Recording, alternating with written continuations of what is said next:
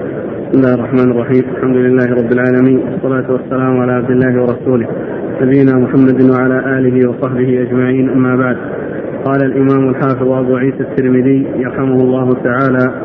قال في جامعه في كتاب الزهد في باب ما جاء في الحب في الله. قال ذكر الحديث الثاني. قال حدثنا الأنصاري. قال حدثنا معن.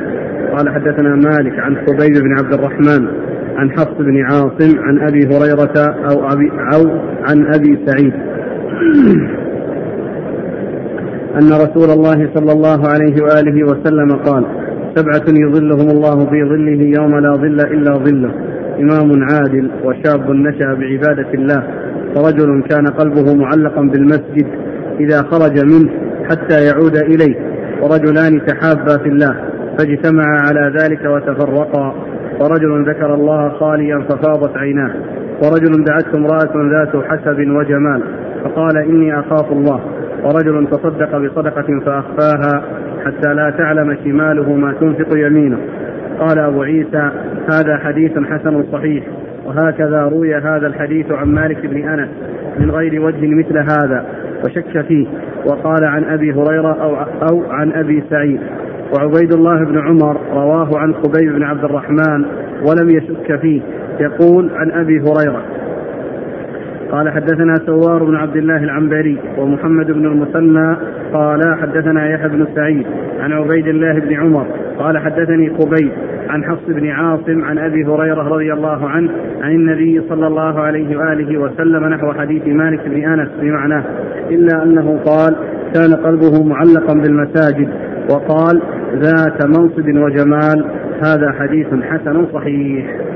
بسم الله الرحمن الرحيم. الحمد لله رب العالمين وصلى الله وسلم وبارك على عبده ورسوله نبينا محمد وعلى آله وأصحابه أجمعين أما بعد. وقد مر الكلام على هذا الحديث في الدرس الماضي وبقي منه السابع الذي هو الرجل الذي تصدق بصدقة فأخفاها حتى لا تعمل تعلم شماله ما تنفق يمينه. و والمقصود من ذلك أن السابع من هؤلاء الذين يظلهم الله في ظله يوم لا ظل إلا ظله. الرجل الذي تصدق بصدقة فأخفاها وبالغ في إخفائها حتى أن الشمال لا لا تعلم ما أنفقته اليمين. وهذا مبالغة في شدة إخفائها. ومن المعلوم أن إخفاء الصدقة أحيانا يكون له له اعتبار ويكون له ويكون أفضل. واحيانا يكون الإظهار أفضل. فيكون الإخفاء آه، آه، أولى في ما إذا لم يكن إذا لم يترتب على إظهار المصلحة. أما إذا ترتب على إظهار المصلحة فكأن يقتدى به كما في قصة الرجل الذي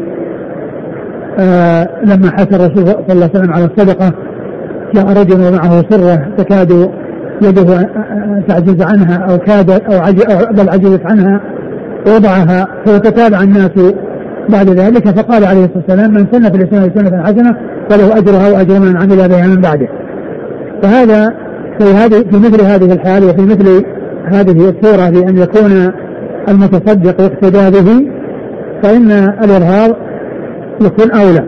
وفي غير ذلك إذا لم يكن هناك اقتداء فإن الإخفاء يكون أولى. وما جاء في الحديث من ذكر الرجل رجل كذا ورجل كذا. المقصود بذلك آه، ليس له مفهوم من ناحية أن المرأة تختلف عن عن الرجل بل النساء مثل الرجال في جميع الأحكام. إلا إذا جاء أن يخص الرجال عن النساء أو يخص النساء عن الرجال فعند ذلك يختص الحكم بمن آه، أنيط به. أما إذا لم يكن الأمر مختصا فإن فإن الرجل لا مفهوم له ومعنى ذلك أن المرأة مثل الرجل. ولهذا يأتي كثيرا في الأحاديث ذكر الأحكام مضافة للرجال وإن كان الحكم يشمل الرجال والنساء لأن الغالب أن الخطاب مع الرجال كما جاء في الحديث. لا لا تتقدم رمضان لصوم يوم أو يومين إلا رجل كان يصوم صوم فليصوم وكذلك المرأة. من وجد متاعه عند رجل قد افلس وحقه من الغرماء وكذلك المرأة. وهكذا هنا ورجل تصدق بصدقة فأخفاها حتى لا تعلم شماله ما تنفق يمينه كذلك المرأة. إذا تصدقت بصدقة وأخفتها حتى لا تعلم شمالها ما تنفق يمينها. فإن الحكم واحد ولا فرق في آه في مثل هذا بين الرجال والنساء. نعم. لكن في رجل قلبه معلق في المساجد. لا الرجل معلق في المساجد هذا يختص بالرجال لأن لأنهم هم الذين تجب عليهم صلاة الجماعة. وهم وأما النساء فبيوتهن فصلاتهن في البيوت أفضل. ولكن الشيء الذي الذي آه آه الذي هو من خصائص الرجال الذي هو ليس من خصائص الرجال كالصدقة الصدقة هذه ليست مختصة بالرجال بل النساء مثل الرجال في الحكم. وأما الرجل مع مع الأقل مثالي هذا من خصائص الرجال. لأنهم لم تلزمهم الجماعة والنساء لا تجب عليهن الجماعة بل صلاتهن في البيوت أفضل لهن من صلاتهن في المساجد. قال حدثنا الأنصاري. ورجلان يتحابا في الله هذا لا فرق بين الرجال والنساء. امرأتان يتحابتا في الله امرأتان تحابتا في الله لا فرق بين رجلين وامرأتين. نعم. قال حدثنا الأنصاري. هو إسحاق بن موسى وهو ثقة أخرجه مسلم والترمذي والنسائي بن ماجه. نعم. عن معن معن بن عيسى ثقة أخرجها أصحاب في الستة. عن مالك. مالك بن أنس إمام دار الهجرة. أخرجها أصحاب في الستة. عن خبيب بن عبد الرحمن. وهو ثقة أخرج له. أصحاب الكتب. عن نعم. حفص بن عاصم. حفص بن عاصم هو. ثقة أخرجه أصحاب الكتب. نعم. عن أبي هريرة أو عن أبي سعيد. أبو هريرة وأبو سعيد رضي الله تعالى عنهما اشتهر بك- بكل منهما بكنيته وهما من السبعة الذين عرفوا بكثرة الحديث عن النبي صلى الله عليه وسلم والحديث هو عن أبي هريرة لأنه جاء من بعض الطرق بدون شك. وكما أسلفت في الدرس الماضي حصول الشك بين الصحابة الصحابة لا يؤثر هل هو هذا أو هذا.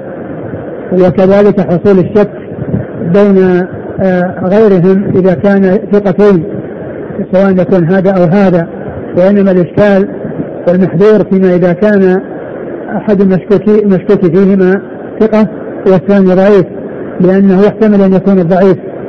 نعم.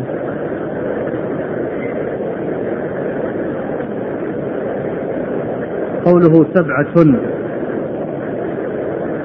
نعم. له مفهوم. جاء أحاديث تدل تدل على أن هناك آه، أصناف من الناس آه، يظلهم الله تعالى في ظله غير هؤلاء. فعلى هذا لا يكون له مفهوم. لا ليس له مفهوم.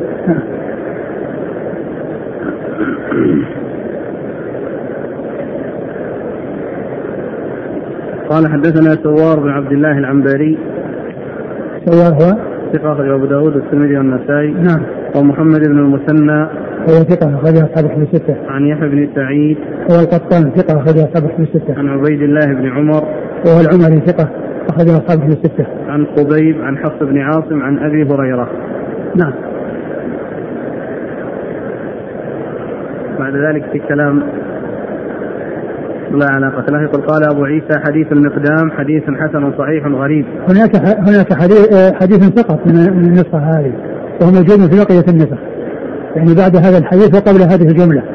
حديث المقدام سقط من هذه النسخة ولكنه موجود في النسخ الأخرى. قال رحمه الله تعالى باب ما جاء في إعلام الحب. قال حدثنا بندار قال أخبرنا يحيى بن سعيد القطان قال أخبرنا ثور بن يزيد عن حبيب بن عبيد عن المقداد بن معد كرب رضي الله عنه أنه قال قال رسول الله صلى الله عليه وآله وسلم إذا أحب أحدكم أخاه فليعلمه إياه. قال وفي الباب عن أبي ذر وأنس رضي الله عنهما قال أبو عيسى حديث المقدام حديث حسن صحيح غريب والمقدام يكنى أبا أبا كريمة. آه ثم أورد أبو عيسى هذه الترجمة وهي باب في إعلام إعلام الحب. إعلام الحب. إعلام الحب يعني الإعلام بالحب. وهذا هذه الترجمة مع الحديث وسقطت من النسخة التي التي بين أيدينا والنسخ الأخرى فيها هذا ال فيها إثبات هذا هذا الذي سقط هنا. وأيضا هو موجود في تحفة الإشراف. أيضا في تحفة الإشراف الحديث موجود. وهو ساقط من هذه النسخة. والمقصود قوله إعلام الحب أي الإعلام بالحب.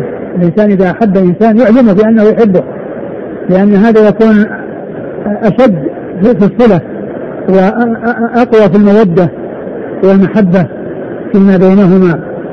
فإذا أحب شخصا لله وأخبره بأنه يحبه فإن هذا يكون فيه زيادة الصلة وقوة وحصول القوة أو الرابطة التي تربط بينهما وهي الحب في الله عز وجل.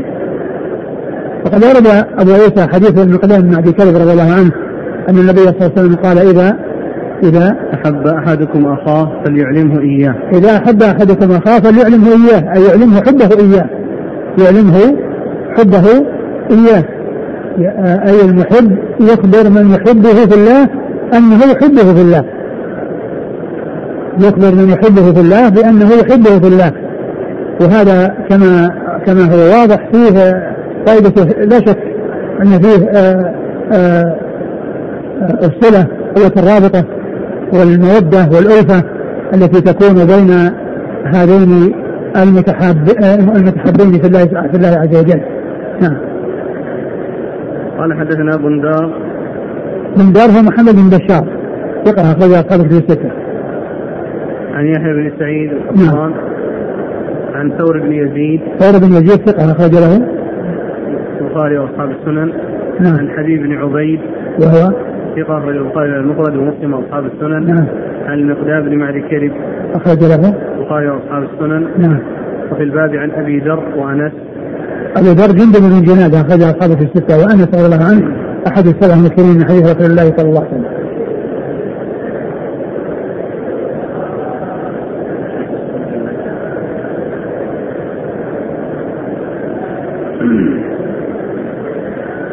قال أبو عيسى. هكذا يكنى أبا كريمة. ما أدري ضبطها شوف التقريب ما ما ضبطها كريمة ولا كريمة؟ ما أدري.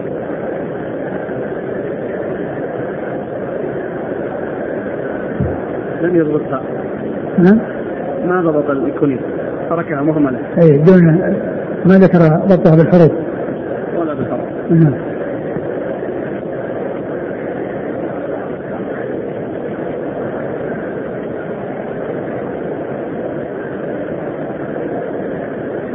أي في الكنى. الكنى قال أبو كريمة بفتح أوله.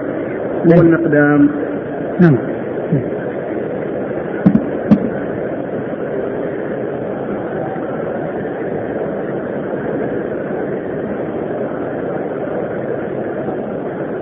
قال حدثنا هناد وقتيبة. قال حدثنا حاتم بن إسماعيل عن عمران بن مسلم القصير عن سعيد بن سلمان عن يزيد بن نعامة الضبي. نعم نعم نعم. لأنه ضبطها الشارح أو في التقريب شوف من الذي ها؟ ضم النون في التقريب أو في الشرح شوف من اللي ضبطها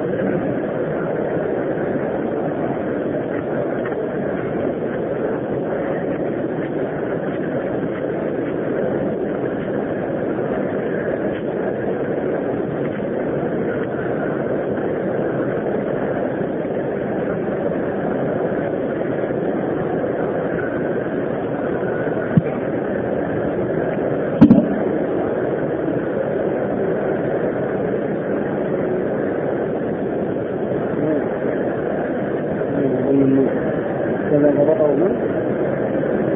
البحار. كذا ضبطه صاحب مجمع البحار والمغني نعم المبارك فوري. كذا ضبطه صاحب مجمع البحار نعم. والمغني. وأما في التقريب فما ذكر. إيه، ضبطها بالضم التقريب ما في شيء. لكن ضبطها بالضم نعم. نعم. عن يزيد بن نعامة الضبي قال قال رسول الله صلى الله عليه وآله وسلم إذا آخى الرجل الرجل فليسأله عن اسمه واسم أبيه وممن هو؟ فإنه أوصل للمودة. قال أبو عيسى هذا حديث غريب. لا نعرفه إلا من هذا الوجه. ولا نعرف ليزيد بن نعامة سماعا من النبي صلى الله عليه وسلم ويروى عن ابن عمر عن النبي صلى الله عليه وسلم نحو هذا ولا يصح إسناده. ثم ورد هذا الحديث الذي فيه أن النبي صلى الله عليه وسلم قال إذا أحب أحدكم إذا إذا إذا آخى الرجل الرجل نعم. فليسأله عن اسمه واسم أبيه. إذا آخى الرجل الرجل آخاه يعني أورده هنا على اعتبار أنها محبة في الله عز وجل وأن الإنسان إذا أخبر بأنه يحبه بأنه يسأله عن اسمه واسم أبيه ومن أين هو و ويحتمل أن يكون أنه على على المؤاخاة إذا كان حصل يعني بين اثنين مؤاخاة فإنه يكون على معرفة بهذا الشخص. الذي يريد أن يؤاخيه يريد أن يؤاخيه. و وهنا أورده على اعتبار أنه في باب الحب في الله. وأن الإنسان إذا أحب إنسان فإن كل واحد منهما يكون عارفا بالآخر. ويكون ذلك أقوى في الصلة فيما بينهما. لكن الحديث فيه, فيه ضعف من جهتين. من جهة آه ابن نعامة ومن جهة تلميذه. فإن كل منهما مقبول. وابن نعامة قال الحافظ التقريب لم يثبت له صحبة وهو مقبول وتلميذه أيضا مقبول. فإذا الإسناد هو من حيث الإسناد غير غير ثابت وغير صحيح. نعم. قال حدثنا هناد. هناد بن السري أبو السري ثقة أخرجه البخاري في خلق افعال العباد ومسلم وأصحاب السنن. وقتيبة قتيبة بن سعيد ثقة أخرج أصحاب الكتب. عن حاتم بن إسماعيل. عن حاتم بن إسماعيل صدوق يهم أخرج نعم. أصحاب الكتب. نعم. عن عمران بن مسلم القصير. وهو صدوق ربما وهم. نعم. أخرج له أصحاب الكتب إلا ابن ماجه. نعم. عن سعيد بن سلمان. وهو مقبول. أخرج له. الترمذي. عن يزيد بن نعامة. نعم وهو مقبول. أخرج له الترمذي. نعم. يقول آه، القول عند التعارف أخوكم في الله أو محبكم في الله. آه، إذا كان أخوكم في الله هذه ما فيها إشكال لكن محبكم في الله يعني هذه آه، إنما تكون لمن عنده ما يقتضي أن يكون قد أحبه في الله ولكن يمكن في المعنى العام أن أن المسلمين أن كل مسلم يحب في الله لإسلامه ولكن المحبة التي هي من أجل آه، قوة الإيمان ومن أجل الالتزام والاستقامة على أمر الله وهي المحبة الخاصة هذه ما تكون لكل أحد. فإذا قال محبكم في الله على اعتبار أنه يحب المسلمين في الله ومن أجل الله عموما وهذا لا بأس به. وأما إذا أريد بمحبة زائدة عن قوة الإسلام فإن هذه لا تكون إلا إذا وجد ما يقتضيها. نعم. قال رحمه الله تعالى باب ما جاء في كراهية المدح المدحة والمداحين. قال حدثنا محمد بن بشار قال حدثنا عبد الرحمن بن مهدي قال حدثنا سفيان عن حبيب بن أبي ثابت عن مجاهد عن أبي معمر قال قام رجل فأثنى على أمير من الأمراء فجعل المقداد رضي الله عنه يحثو في وجهه التراب. وقال أمرنا رسول الله صلى الله عليه وآله وسلم أن نحثو في وجوه المداحين التراب.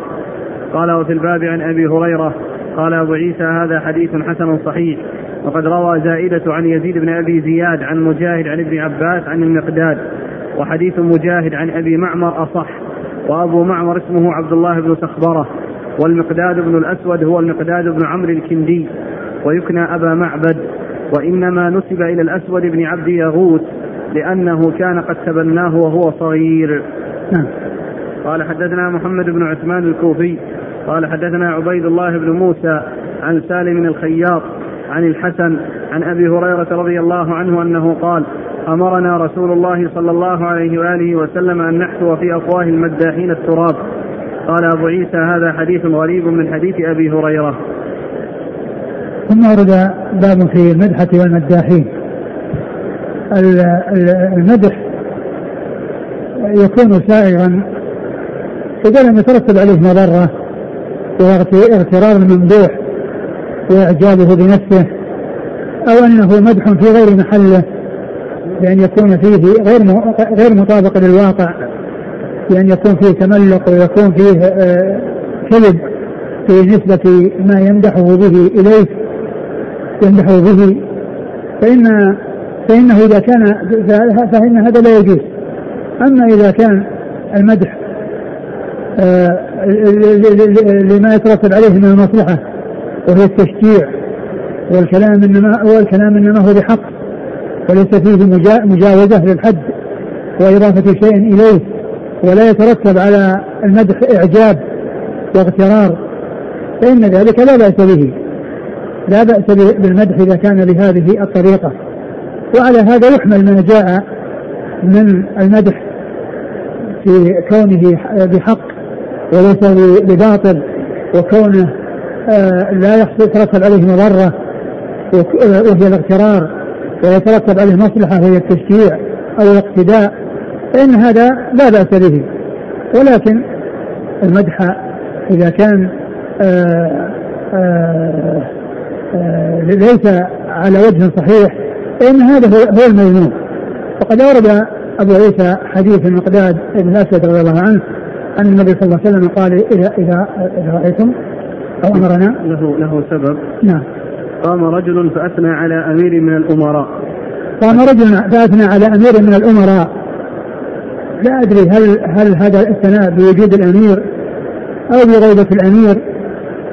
و وغالبا يكون في غيبة الأمير. غالبا يكون في غيبة الأمير. وأنه أثنى عليه فجعل المقداد يحصل في وجهه التراب. والذي يبدو يظهر المقصود بوجهه يعني إلى جهته ما هو معناه أنه يرسل التراب إلى وجهه؟ يعني يعني يعمي عينيه بالتراب. فإن هذا لا شك أنه فيه مضرة في الإنسان لكن يكفيه يكفيه عيبا ويكفيه سوءا أن يحتى عليه التراب إلى جهته. والذي يبدو يظهر أنه في وجهه انه إلى جهته. ليس المقصود بذلك انه أنه أخذ التراب ورماه على وجهه ويعني أدخله في عينيه وفي أنفه وفي فمه فالذي يبدو ويظهر أنه انه رماه إلى جهته. وهذا لا شك أن فيه فيه إهانة له وفيه تعذيب وفيه إساءة وفيه آه، آه، آه، بيان أنه ان ما قاله ان انه لا يصلح لأنه جاءت السنة بحصول بأن يفعل مثل هذا الفعل في حق من يمدح. ف وقال إن الرسول صلى الله عليه وسلم أمر فجعل المقدار يحثو في وجهه التراب وقال أمرنا رسول الله صلى الله عليه وسلم أن نحثو في وجوه المداحين التراب. نعم أمر أن نحثو في وجوه المداحين التراب. و آه، إيش بعده؟ حديث أبي هريرة أمرنا رسول الله صلى الله عليه وسلم أن نحثو في أفواه في أفواه المداحين التراب. هنا في أفواه. و... ومما قيل في معنى الحديث أن المقصود به الخيبة وأن من يمدح يعني لا يحصل شيئا ولا يعطى شيئا من أجل مدحه بل آه، آه، يعامل بنقيض قصده وهو أنه قد يكون مدح ليحصل شيئا فصارت النتيجة أنه لا يحصل شيئا. فيكون ذلك سببا في عدم إقدامه على مثل هذا العمل. لا سيما إذا كان المدح لأمير أو لكبير من أجل الاستجداء ومن أجل طلب شيء. فإذا منع ولم يعطى يجعله في المستقبل لا يفعل. لكن الأصل أن أنه يحمل الحديث على ظاهره وأنه ليس المقصود به مجرد الخيبة وأنه يخيب وأنه لا يعطى شيء وإن ولا يعطى شيء من المال وكأنه أعطي التراب بدل المال آه، حمله على ظاهره مثل ما فعل المقداد رضي الله عنه وأنه فهم ذلك بأنه نفس التراب وأنه يحتى على على على على, على على آه، على من مدح هو الأظهر وهو الأصل الأصل حقيقة ولا يصار إلى غيرها. نعم. قال حدثنا محمد بن بشار عن عبد الرحمن بن مهدي. عبد الرحمن بن مهدي ثقة أخرج أصحابه في الستة. عن سفيان. سفيان هو الثوري ثقة أخرج أصحابه في الستة. عن حبيب بن أبي ثابت. وهو ثقة أخرج أصحابه في الستة. عن مجاهد. مجاهد بن جبر المكي ثقة أخرج أصحابه في الستة. عن أبي معمر. بن معمر وهو عبد الله بن فخبرة وهو؟ ثقة أخرج أصحاب الكتب. نعم. عن المقداد. المقداد بن الأسود رضي الله عنه أخرج له؟ أصحاب الكتب. نعم. وروى زائدة. زائدة بن قدامة ثقة أخرج أصحابه في الستة. عن يزيد بن أبي زياد. وهو ضعيف. أخرج له. قال تعليقا مسلم وأصحاب السنن. نعم. عن مجاهد عن ابن عباس. نعم. وابن عباس عبد الله بن عباس. ابن عم النبي صلى الله عليه وسلم واحد العباد الأربعة واحد المكثرين من حديث رسول الله صلى الله عليه وسلم. قال حدثنا محمد بن عثمان الكوفي. هو؟ ثقة في البخاري وأبو داود والترمذي وابن ماجه. عن عبيد الله بن موسى. وهو ثقة أخرج أصحابه في الستة عن سالم الخياط. هو؟ صدوق سيء الحفظ والترمذي وابن ماجه. نعم. عن الحسن. الحسن بن أبي الحسن وهو ثقة أخرج أصحابه في الستة عن أبي هريرة. عن أبي هريرة وفي تدريس الحسن. وفي تدريس الحسن. ولكن الحديث الأول شاهد له حديث المقداد بن الأسود. يقول الأخ أورد الذهبي في السير هذا الأثر عن المقداد وقال إن هذا بحضرة عثمان رضي الله عنه ليش؟ أورد الذهبي في السير هذا الأثر. عن المقداد. وقال إنه كان بحضرة عثمان رضي الله عنه ما أدري يعني عن صحته وعلى يعني واذا صح فإنه يكون بحضره بحضرة ال- ال- الامير يقول آه، هل يدخل في ذلك مدح الزوجة؟ لا. يعني مدح الزوجة يعني من أجل آه، من أجل ال- ال- تمام المودة. يعني جاء في الحديث أن أن, أن هذا مما استثني بأن يقول فيها يعني الكذب وأن يحصل الكذب المباح الذي يكون فيه فيه تعريض يعني في في في في, في, في, في الشيء الذي آه، يقوي المودة. يعني بينهما فإذا مدحها وأثنى عليها معلوم أن أن أن أن هذا شائع في حق المرء كون يمدحها نعم.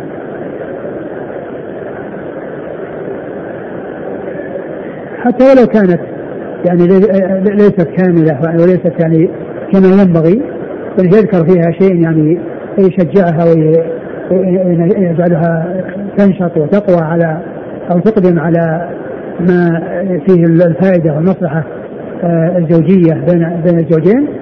لا بأس بذلك. قال رحمه الله تعالى باب ما جاء في صحبة المؤمن.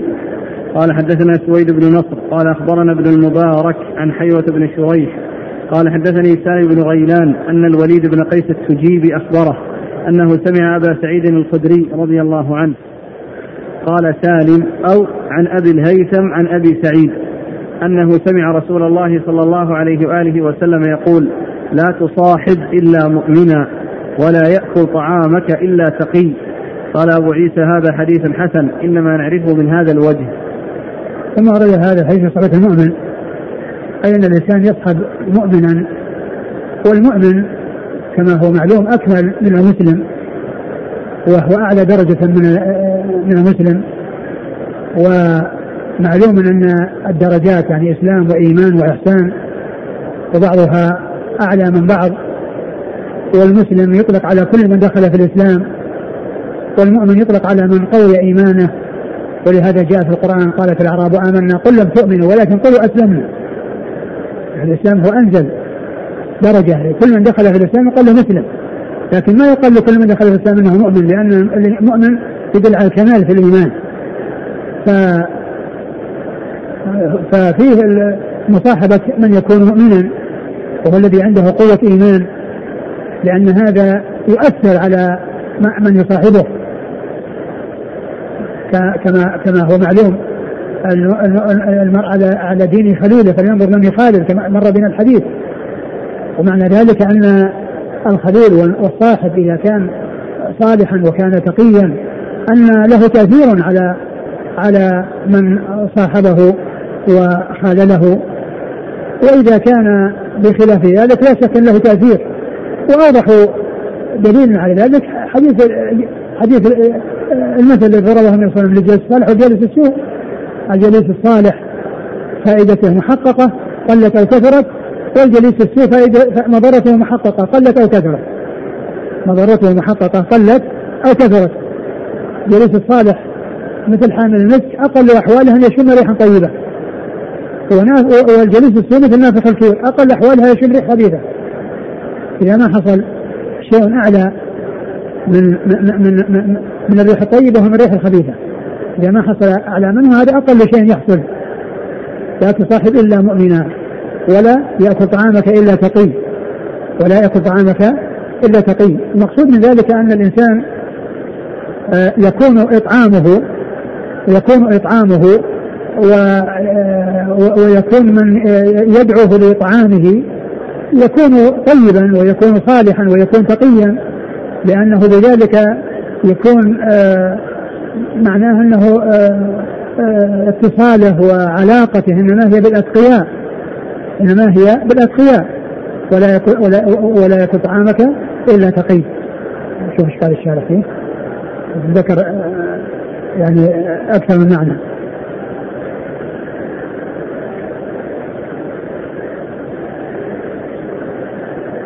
قال ولا يكون طعامك إلا تقي أي متورع يصرف قوت الطعام قوة الطعام إلى عبادة الله.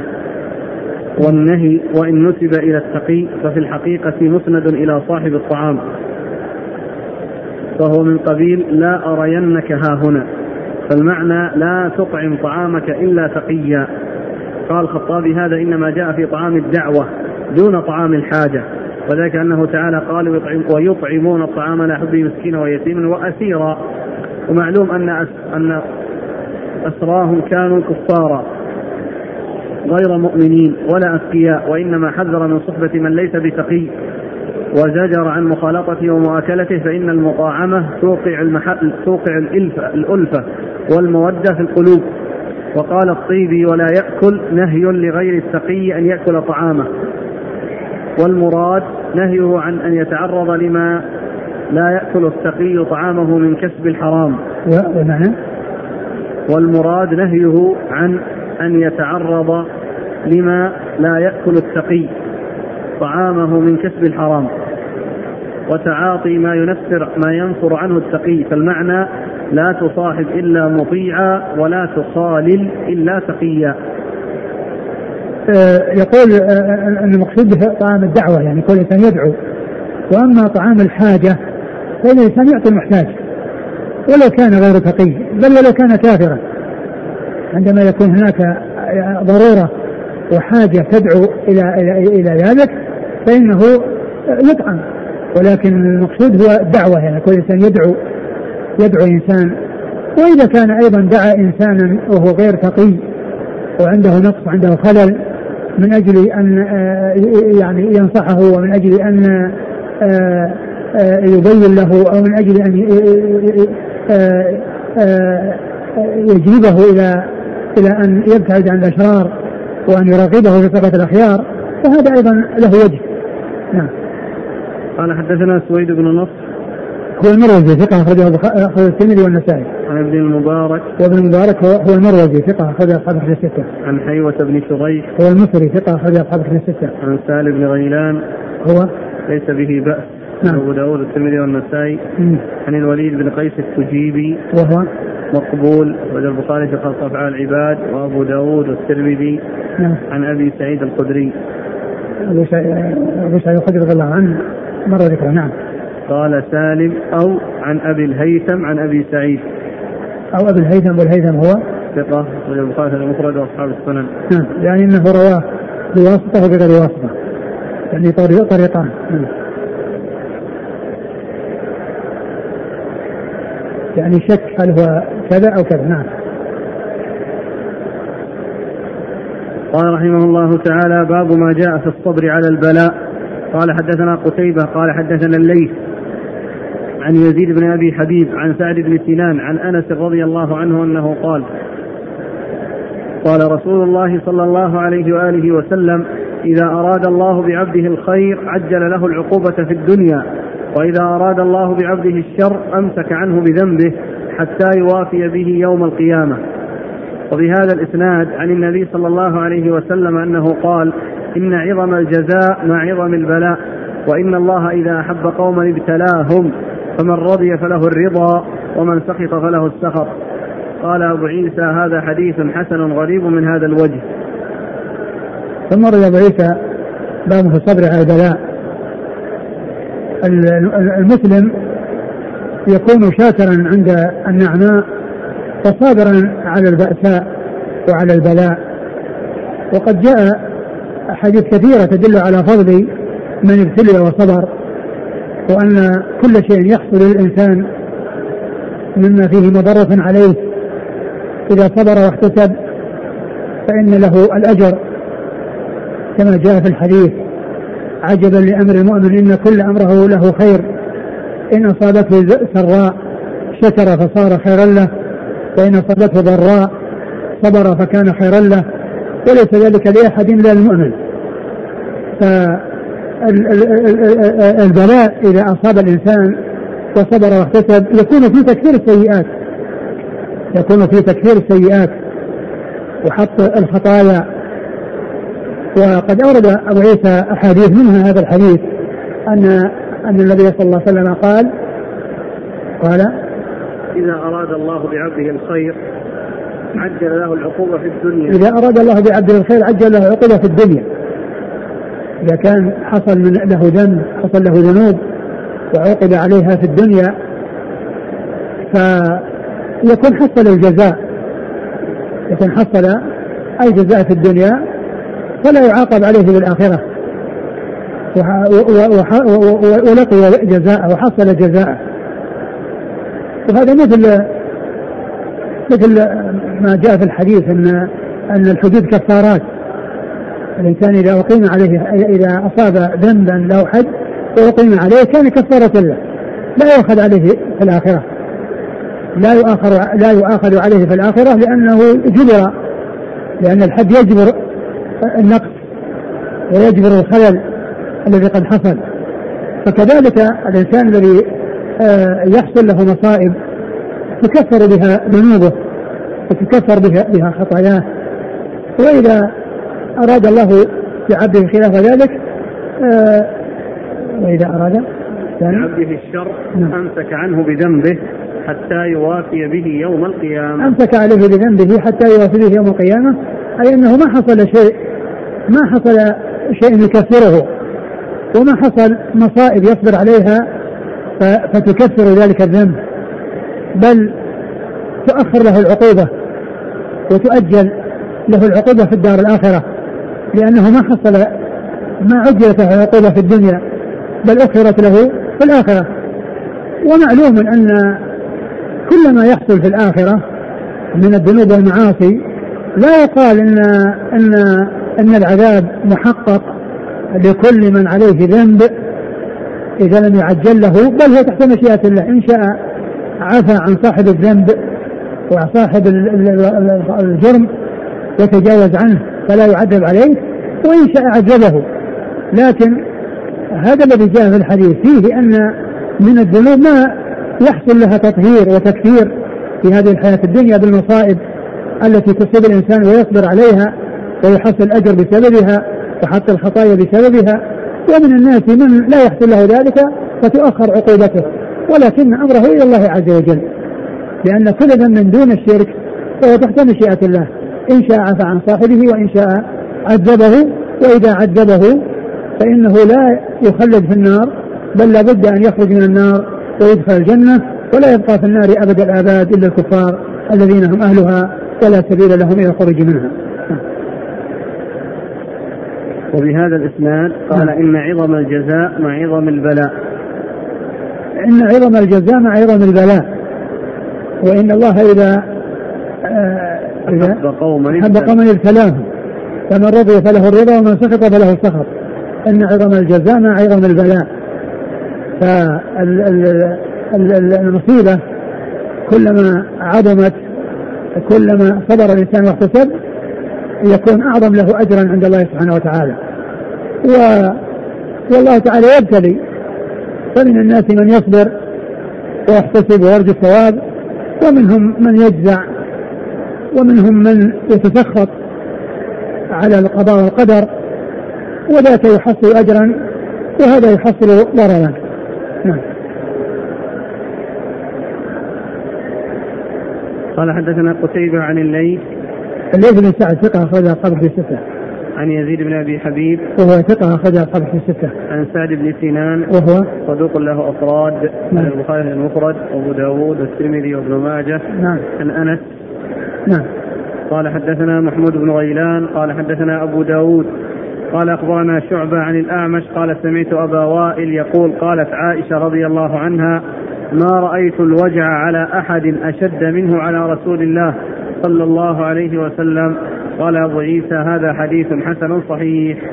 ثم ورد في حديث عائشة في مرض في, في في مرض الرسول صلى الله عليه وسلم وأن مرضه شديد وذلك فيه زيادة لعظم أجره وثوابه. صلوات الله وسلامه وبركاته عليه. و آه، آه، وقد آه، و- وأورد حديث عائشة رضي الله عنها أن أنها قالت ما رأيت الوجع أي المرض في أحد مثل ما رأيته في رسول الله؟ أشد منه؟ أشد منه على رسول الله صلى الله عليه وسلم. يعني ما رأت أحدا أصيب بمرض أشد مما حصل لرسول الله صلى الله عليه وسلم. وهذا فيه زيادة لثوابه وأجره وعلو درجته آه، وقد رفع الله درجته وأعلى ذكره. وله المنزلة العليا التي لا يداني فيها يدانيه فيها أحد ولا يقاربه أحد صلوات الله وسلامه وبركاته عليه. والله تعالى يبتلي يبتلي بالنعم ويبتلي بالنقم وبالأمراض.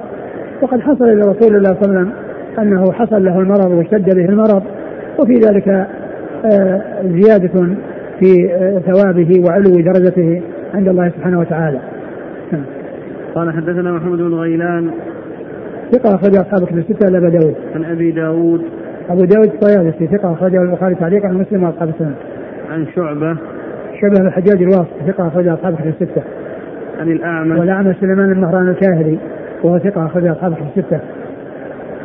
عن أبي وائل أبو وائل شقيق بن سلمة وهو ثقة محضرا أخرج أصحاب كتب الستة. عن عائشة نعم عائشة أم المؤمنين رضي الله عنها وأرضاها. قال حدثنا قتيبة قال حدثنا حماد بن زيد عن عاصم بن مهدلة عن مصعب بن سعد عن أبيه رضي الله عنه أنه قال قلت يا رسول الله أي الناس أشد بلاء؟ قال الأنبياء ثم الأمثل فالأمثل فيبتلى الرجل على حسب دينه فإن كان دينه صل- صلبا اشتد بلاؤه وإن كان في دينه رقة ابتلي على حسب دينه فما يبرح البلاء بالعبد حتى يتركه يمشي على الأرض ما عليه خطيئة. قال أبو عيسى هذا حديث حسن صحيح.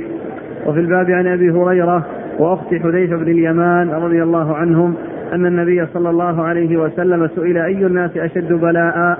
قال الأنبياء ثم الأمثل فالأمثل.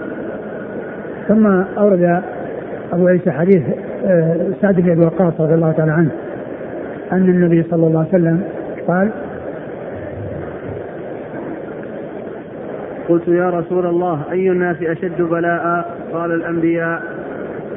ثم الأمثل فالأمثل آه، آه، سعد بن أبي وقاص رضي الله عنه قال من أشد الناس؟ يسأل النبي عليه الصلاة والسلام من أشد الناس بلاء؟ قال الأنبياء. ثم الأمثل فالأمثل. وذلك كما مر أن عظم ال- ال- الجزاء آه، مع عظم البلاء. وإن الله تعالى إذا أحب قوما ابتلاهم فمن رضي فله رضا ومن سخط فله السخط. الحديث الذي مر أن عائشة رضي الله عنها ما رأت يعني أحدا أشد من رسول الله صلى الله عليه وسلم في المرض الذي قد حصل له وذلك لما يحصل فيه من تكفير السيئات وحط الخطايا.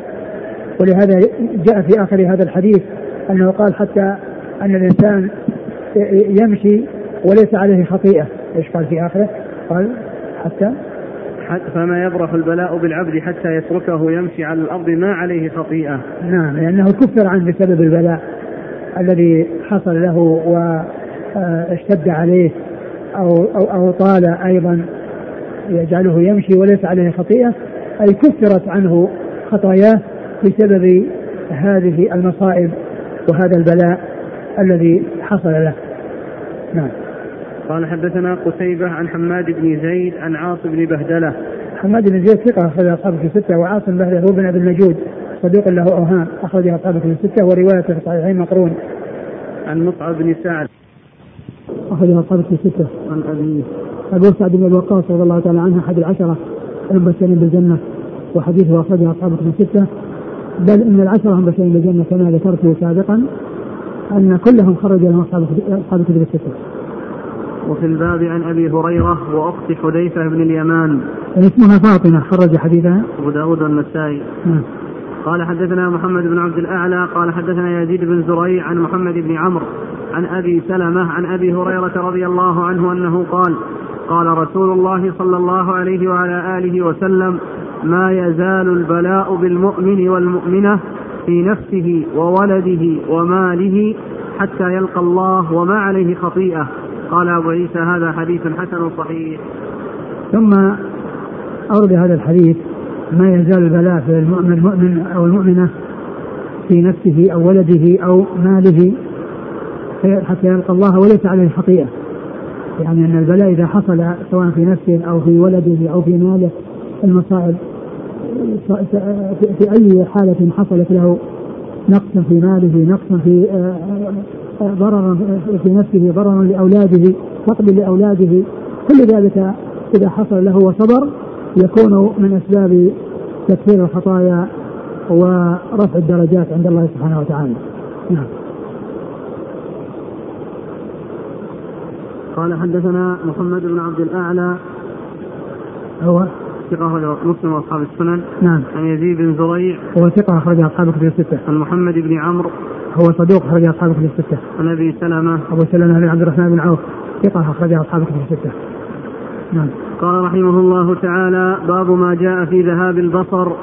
قال حدثنا عبد الله بن معاوية الجمحي. قال حدثنا عبد العزيز بن مسلم. قال حدثنا أبو بلال عن أنس بن مالك رضي الله عنه أنه قال قال رسول الله صلى الله عليه وعلى آله وسلم إن الله يقول إذا أخذت كريمتي عبدي في الدنيا لم يكن له جزاء عندي إلا الجنة. قال وفي الباب عن أبي هريرة وزيد بن أرقم رضي الله عنهم قال أبو عيسى هذا حديث حسن غريب من هذا الوجه وأبو بلال اسمه هلال. قال حدثنا محمود بن غيلان قال حدثنا عبد الرزاق قال أخبرنا سفيان عن الأعمش عن أبي صالح عن أبي هريرة رضي الله عنه رفعه إلى النبي صلى الله عليه وآله وسلم أنه قال يقول الله عز وجل من أذهبت حبيبتيه فصبر واحتسب لم أرض له ثوابا دون الجنة. قال وفي الباب عن عرباض بن سارية رضي الله عنه قال أبو عيسى هذا حديث حسن صحيح. ثم قال أبو عيسى رحمه الله باب في في ذهاب البصر. في ذهاب البصر. لأن هذا من جملة الأشياء التي تحصل لأن البلاء والأضرار التي تحصل آه، بعد ما ذكر العموم ذكر آه، شيئا خاصا وهو حصول المصيبة وحصول الضرر بفقد البصر وأن الله عز وجل يثيب من حصل له ذلك وصبر يثيبه على ذلك الجنة. في الحديث الأول من من ابتلي بكريمتيه كريمتيه. إذا أخذت كريمتي عبدي في الدنيا لم يكن له جزاء عندي إلا الجنة. إذا أخذت كريمتي عبدي في الدنيا لم يكن له جزاء إلا الجنة. كريمتيه يعني عينيه لأنهما كريمتان عنده وعزيزتان عليه وغاليتان وهما غاليتان عنده. فإذا فقدهما فقد شيئا عظيما وشيئا مهما لأنه كان لا يحتاج إلى غيره فصار يحتاج إلى غيره بسبب الفقد للبصر ولكنه مع الصبر والإحتساب يثيبه الله عز وجل. بأن يدخله الجنة ويجازيه على ذلك بدخول الجنة. وكذلك الحديث الآخر حديث أبي هريرة رضي الله عنه. من صبر؟ من, من أذهبت حبيبتيه فصبر واحتسب. لم أرض له ثوابا دون الجنة. وهنا قال حبيبتيه لأنهما محبوبتان. محبوبتان عند الإنسان وهي من أحب الأشياء عند الإنسان نعمة البصر الذي به يرى الأشياء يرى ما يسر فيفرح. ويرى ما يسوء فيكره.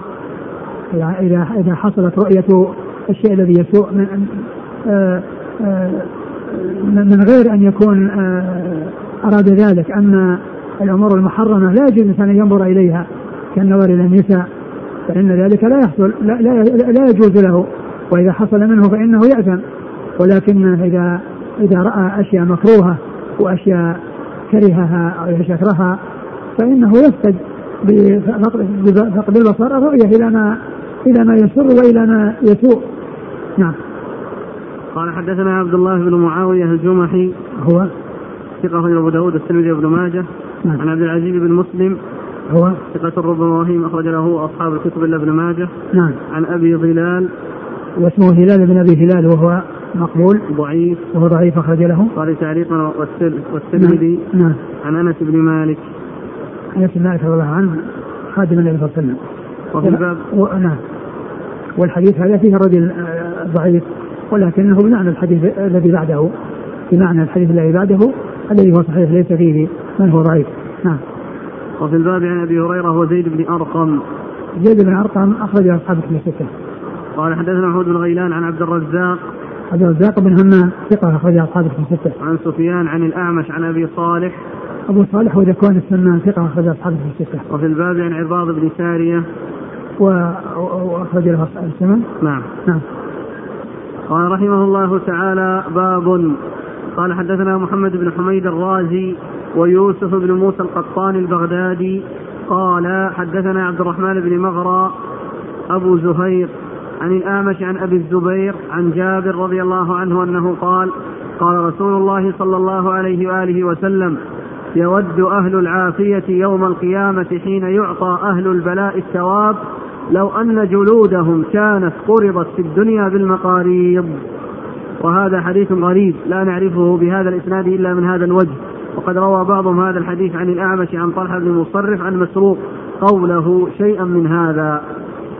ثم أورد أبو عيسى باب وهو بدون ترجمة وهو يعني يتعلق بما تقدم الباب الذي قبل هذا الذي قبله والذي هو الذي هو الصبر على البلاء. يقول فيه أن أن أنه يود أهل العافية أي الذين كانوا في الدنيا في عافيه ما حصل لهم مصائب وما حصل لهم أضرار أن جلودهم قرضت بالمقارير لما يرون من كثرة الثواب. لأولئك الذين صبروا واحتسبوا كفرت خطاياهم وجوزوا على ذلك الجزاء العظيم. يود أصحاب العافية ان أنهم آه، آه، كانوا في الدنيا آه، قررت جلودهم بالمقارير لما يرون من حصول الثواب وحصول الأجر لأولئك الذين ابتلوا في هذه الحياة الدنيا نعم قال حدثنا محمد بن حميد الرازي. هو هو ضعيف. أخرج له. أبو داود والترمذي وابن ماجه. نعم. ويوسف ابن موسى القطان. هو؟ صدوق في البخاري وأبو داود والترمذي والنسائي في مسند علي نعم. وابن ماجه. نعم. عن عبد الرحمن بن مغرى. عبد الرحمن بن مغرى هو؟ صدوق في البخاري المفرد وأصحاب السنن. عن الأعمش عن أبي الزبير. في رواية عن الأعمش فيها ضعف. نعم. عن أبي الزبير هو محمد بن مسلم بن تدرس. صدوق أخرج له أصحاب الكتب الستة وهو يروي عن جابر رضي الله تعالى عنه وهو من السبع المكثرين ورواية أبي الزبير عن جابر فيها كلام. نعم. وقد روى بعضهم هذا الحديث عن الأعمش عن طلحة بن مصرف. طلحة بن مصرف ثقة أخرج أصحاب الستة. عن مسروق. هو في الأجدع ثقة أخرج أصحاب الستة. قوله شيئا من هذا. قوله يعني من قوله من قول مسروق. نعم. قال حدثنا سويد بن نصر قال أخبرنا ابن المبارك قال أخبرنا يحيى بن عبيد الله قال سمعت أبي يقول سمعت أبا هريرة رضي الله عنه يقول قال رسول الله صلى الله عليه وآله وسلم ما من أحد يموت إلا ندم. قالوا وما ندامته؟ قالوا وما ندامته يا رسول الله؟ قال إن كان محسنا ندم الا يكون ازداد وإن كان مسيئا ندم الا يكون نزع. قال أبو عيسى هذا حديث إنما نعرفه من هذا الوجه. ويحيى بن عبيد الله قد تكلم فيه شعبة وهو يحيى بن عبيد الله بن موهب مدني ثم ورد أبو عيسى هذا الحديث أن النبي صلى الله عليه وسلم ما ما يعني ما ما من أحد يموت. يموت إلا وقد إلا ندم. إلا ندم. قال وكيف يندم؟ قال إن كان محسنا يندم ألا يكون ازداد وإن كان مسيئا ندم أن لا يكون نزع يعني أقلع وترك ذلك الذنب الذي وقع فيه والذي يستحق عليه العقوبة. فما من مسلم أو ما من أحد يموت إلا ويندم والندم للمحسن ألا يكون ازداد إحسانا والمسيء ألا يكون رجع ونزع وأقلع عن الشيء الذي حصل منه. والحديث في إسناده يحيى بن عبيد الله هو متروك نعم. قال حدثنا سويد بن النصر عن ابن المبارك عن يحيى بن عبيد الله. هو متروك أخرج له. الترمذي وابن ماجه. نعم. عن أبيه. وهو مقبول. أخرج البخاري في المفرد وأبو داود والترمذي والنسائي في مسند علي وابن ماجه. نعم. عن أبي هريرة. نعم.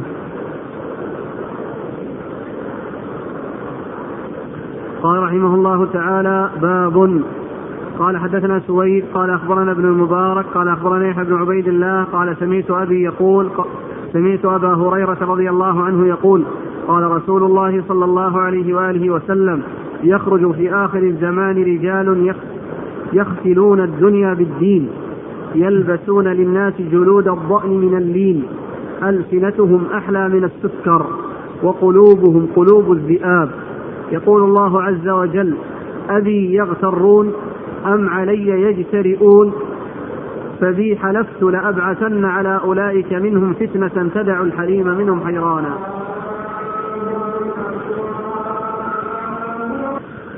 نعم. الحديث؟ نعم. ولي كلام لا. ثم ورد أبو عيسى هذا الحديث في هذه الترجمة باب, باب بدون ترجمة.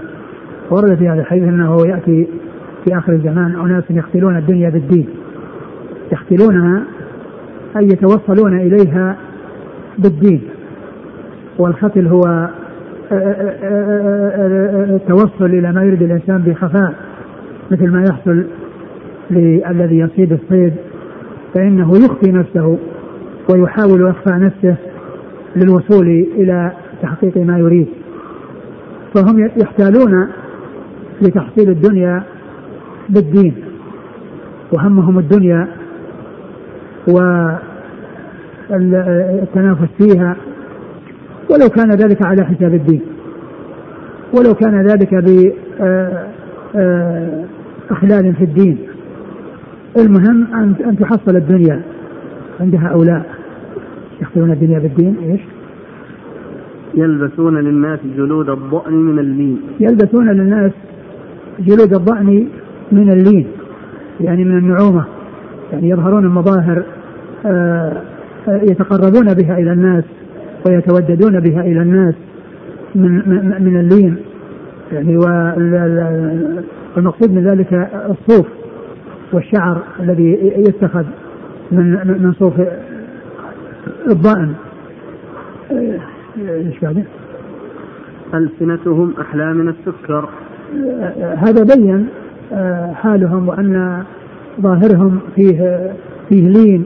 مثل ما وصف في قضية جلود الضأن من اللين قال ألسنتهم أحلى من السكر يعني حلاوة ولكن قلوبهم مثل قلوب الذئاب الظاهر يعني جميل والباطن سيء الظاهر الذي هو آه، آه، يريدون به التوصل إلى الدنيا التوصل إلى الدنيا يكون حلوا ويأتون بالألفاظ التي آه، ترغب وتجعل من يخاطبونه يحقق لهم ما يريدون ولكن الخفي والذي هو في مقابل فساد الدين هو هذا الذي يكون في القلوب أن قلوبهم قلوب الذئاب قلوب الذئاب.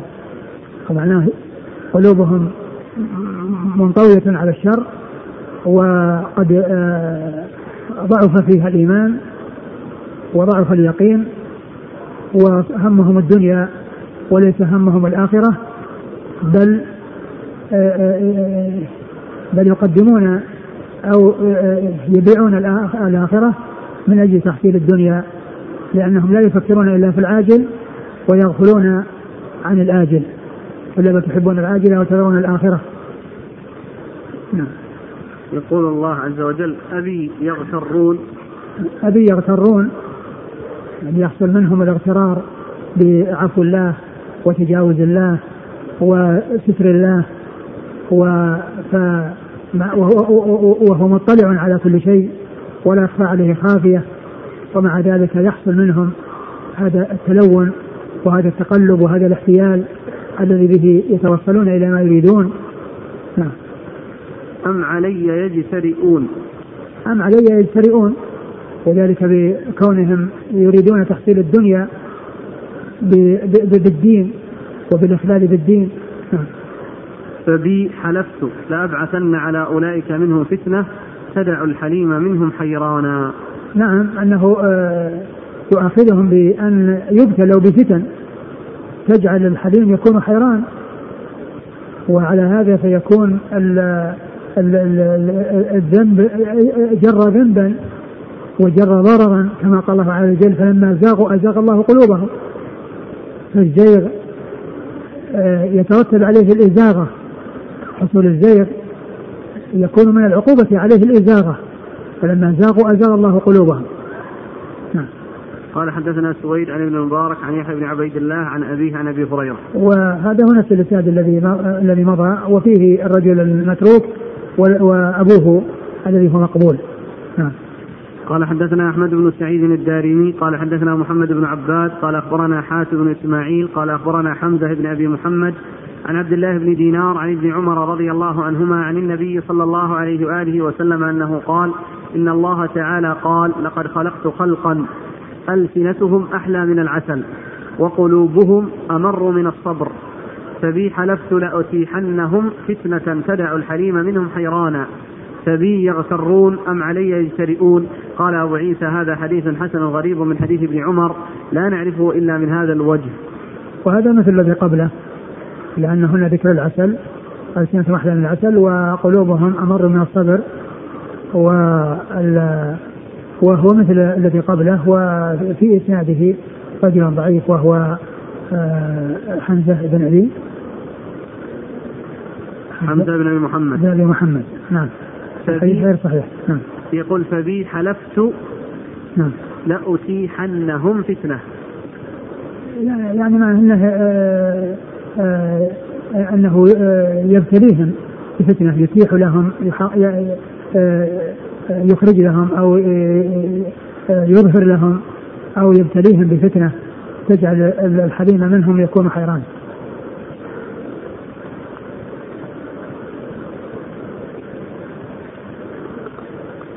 حدثنا أحمد بن سعيد الدارمي. هو؟ ثقة أخرج أصحاب الكتب إلا النسائي. وبعده؟ عن محمد بن عباد. وهو؟ صدوق يهم أخرج أصحاب الكتب. نعم. إلا أبا داود.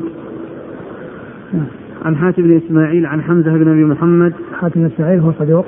مر. صدوق يهم أخرج أصحاب الكتب. نعم. عن حمزة بن أبي محمد. وهو ضعيف؟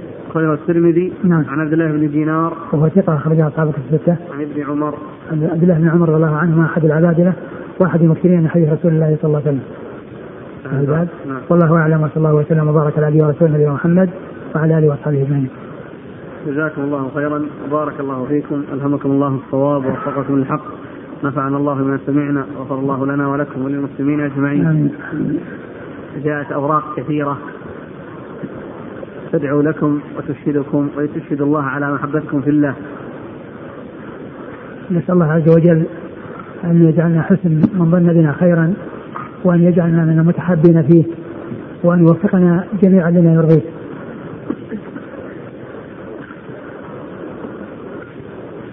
يقول السائل هل المقصود لو أن رجلا ذكر الله وتذكر معاصيه فبكى مرة واحدة حصل له هذا الفضل أن يظله الله في ظله أم تكون هذه عادة له كلما ذكر الله خاليا فاضت عيناه؟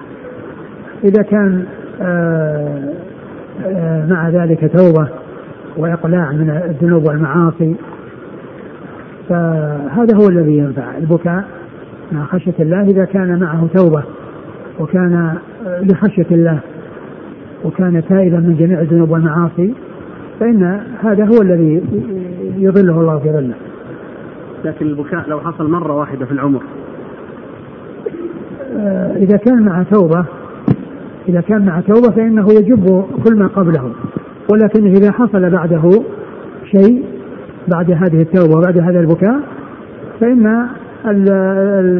ما وجد شيء ينسخه وما وجد شيء بعد ذلك آه، يخلص منه هل الأمر باعلام الحب في الله للأخ للوجوب فليعلمه؟ لا ليس الوجوب يقول فائدة للحافظ بن حجر كتاب اسمه معرفة الخصال الموصلة إلى الظلال. نعم وذكرها الشارح ذكر ذكر فيها أبيات أبيات ذكرت يعني في في الأشياء الزائدة هذه اللي لكن ما فيها الموجود في كتاب ولا موجود. لكن هو ذكره في فتح الباري وكذلك ذكرها الشارح هنا. وذكر جملة من الأشياء التي وقد نظمت في أبيات أيضا. هذا الخصال وما زيد عليها. ما هو ضابط الحب في الله؟ أن يكون من أجل آه، كون الإنسان مستقيما على أمر الله. أحب إنسان لكونه مستقيما على أمر الله. لأن الله لأنه يحب الله ويحب من يحبه الله ويحب ما يحبه الله. فمن كان مستقيما على أمر الله فهو الذي يحبه الله.